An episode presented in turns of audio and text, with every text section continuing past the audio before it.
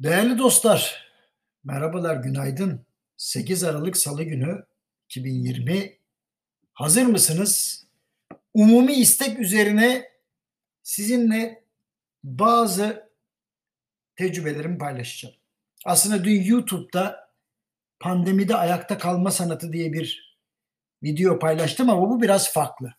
Burada yöneticilik ile idarecilik arasında bir e, anlatım yapacağım. Yani bir farklılık var onu anlatmaya çalışacağım. Şimdi bu yazıyı yazdığımda tam 33 yıl olmuş. Ben ilk iş hayatına gireli. Yani az buz değil. 50 yaşındayım zaten. 51 hatta. Ve nasıl başladım biliyor musunuz? Tatil köylerinde tenis öğretmeni olarak başladım. Ve bahsettiğim zamanlar 1980'lerin ikinci yarısı. Çünkü o zamanlar Türkiye'de pek az ailede yazlık ev vardı bizim gibi gençler de tatillerini hem eğlenerek hem de çalışarak geçirirlerdi. Şimdi bu durumu Y ve Z neslini anlatırken zorluk çekiyorum. E, çünkü biz onların arzu ettikleri ne varsa vermeye çalışıyoruz. Belki de onların yaşında çok çalıştığımız için bilmiyorum. Cevabını siz verin. Yine dönüp baktığımda cep telefonlarının daha icat edilmemiş olduğu ve ebeveynlerle haftada ancak bir kez telefonda görüşülen zamanlardaki tecrübelerimizin bizleri bugünkü dayanıklı yöneticiler haline getirdiğinde görüyorum. Hele ki ilk iş deneyimim bir Türk değil Fransız şirketine ait bir tesiste olunca söz konusu tecrübeler farklı oluyor. Başıma neler gelmedi ki? Birim amiri olan Fransız arkadaşım büyük bir kaza geçirince ekip içinde benden başka inisiyatif alan olmadığı için tüm organizasyonun üzerime kaldığını hatırlıyorum. Bu cesur çıkışımı alkışlayan Fransız genel müdür bir hafta sonra yanıma geldi. Emireciğim seni tebrik ediyorum ama uyarıyorum da. Burada müşteriler için varız. Egolarımız için değil. Böyle bir cümle sarf etti. Kulaklarımda çınlıyor. Sadece 19 yaşındaydım ve ilk dersimi böylece almıştım. Baskı altındayken inisiyatif almak kolay değil ama bu gücü kendinde bulanın da başının dönmemesi gerekiyor. Aslında baskı altındayken doğru kararı verebilmek de kolay değil. Bunu başarmak için birden fazla olumsuzluk yaşamanız olmanız yaşamış olmanız da önemli değil. Yani illa tecrübeyi çok hata yaparak kazanamazsınız. Biraz akıllı davranmak lazım. Zor zamanlarda karar almak ve alınan kararların sağlıklı olmasını sağlamak için en başta çok iyi bir eğitimden geçmiş olmak gerekir. Bu eğitim disiplinler arası olmalı ve mutlaka deneyler ile gözlemlere dayanmalı. Tarihte gerçekten büyük lider olarak anılan Büyük İskender, Atilla, Fatih Sultan Mehmet gibi insanlar Atatürk tabi işin nirvanasında hiçbir hakkında ya bu hiç kitap okumazdı, bilimle sanatla alakası yoktu gibi bir tanımlama duyulmamıştır. Öyle ya da böyle büyük yöneticiler ya eğitim hayatlarında ya da sonrasında disiplinler arası kabiliyetlerini pekiştirmişlerdir. Bir liderin ya da yöneticinin her şeyi bilmesine gerek yok. Bir orkestra şefi de her müzik enstrümanını çalmaz ama sevk ve idareyi başarabilir. Diğer taraftan yöneticilik ile idarecilik arasında da ciddi bir fark vardır. Rastlantı değil. İdareci adı üstünde. idare eder. Yönetici ise yönetir.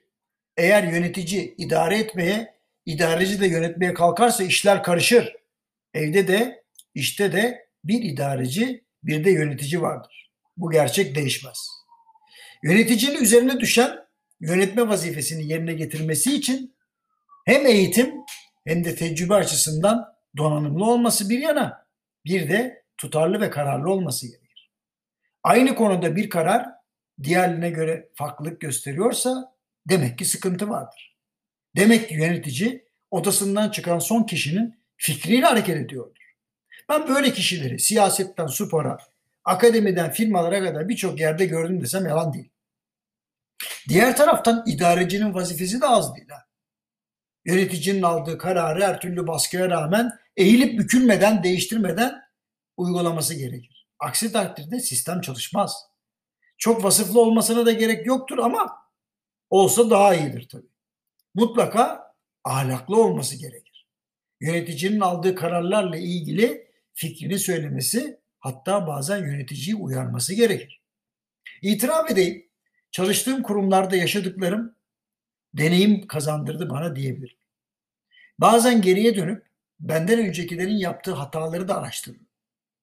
Birbirine benzeyen hataların yanı sıra milyonda bir yapılacak hatalar da görmüşümdür. Bunları ciddiyle inceledikten sonra bir olasılık hesabı yaparım.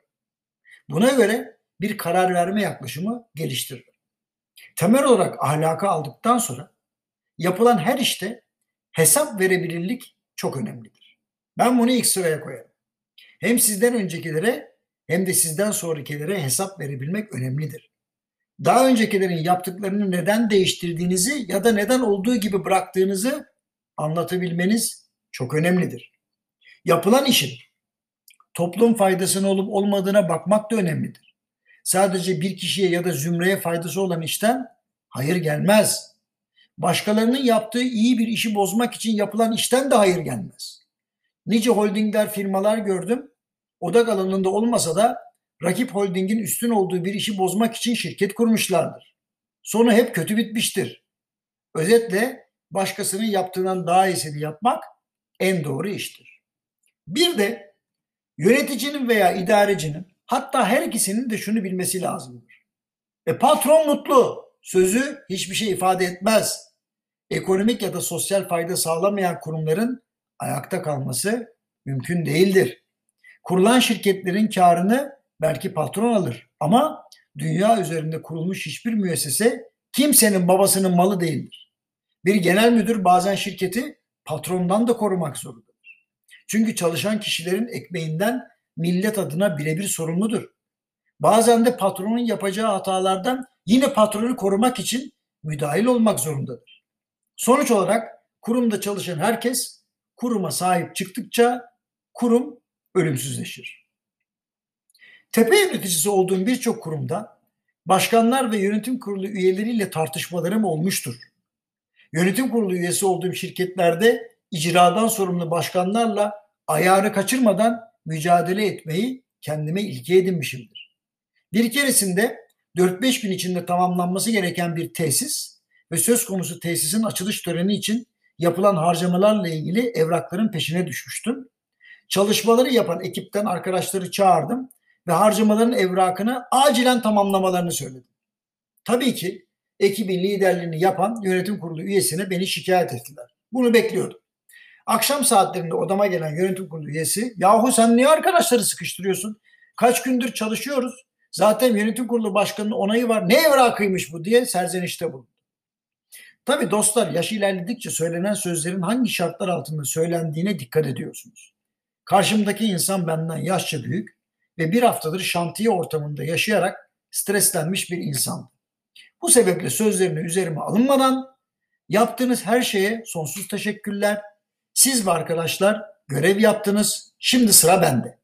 Bu kurumun derli toplu çalışması ve geçmişten geleceğe hesap verebilmesi için harcamaların usulüne uygun yapılmasını sağlamam gerekiyor dedim. Yorgunluk dolayısıyla öfkesi yatışmadı ama mantıklı bir şeyler söylediğimi anlamış olacak ki yüzünde yine de tatmin olmayan bir ifadeyle odadan çıktı.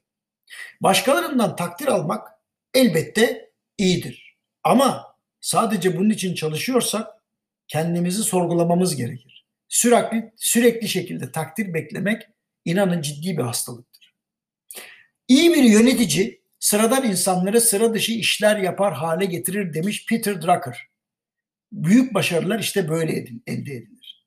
Dünyanın en iyi futbolcuları ile dünya şampiyonu olmaktan daha makbulü iyi futbolcuları takım ruhuyla bir araya getirip ahenk içinde çalışmalarını sağlayarak dünya şampiyonu olmaktır. Bu da ancak doğru idareciler ve yöneticilerle yapılabilir. Bundan başka tereddütlü olmak ile karar vermek için uygun zamanı kollamak arasında büyük bir fark vardır. Hani şöyle derler. En kötü karar kararsızlıktan iyidir. Ben inanmam buna. En kötü karar adı yüzünde üzerinde en kötü karardır. Yönetici ve idareci arasında doğru diyalog kararın doğru çıkmasını sağlar. Teknolojinin son olanaklarını kullanan, doğru insan kaynağıyla çalışan, eğitim ve tecrübeye inanan firmalarda kötü karar fazla çıkmaz. Çıksa da hemen düzeltilir. Ha son olarak şunu da unutmadan söyleyeyim. Zor kararlar çoğunlukla doğru kararlardır. Popüler olmak için verilmiş bir karar büyük zararlar verir. Çok başarılı olduğunu sanan birçok popüler karar sahibi bugün erken emekli olarak hayatına devam ediyor. Yaranmak asla bir kariyer enstrümanı olmamalı dostlar. Ben böylesine çok rastladım. Hala da rastlamaya devam ediyorum. Hepinize kolaylıklar diliyor ve yarın görüşmek üzere diyor.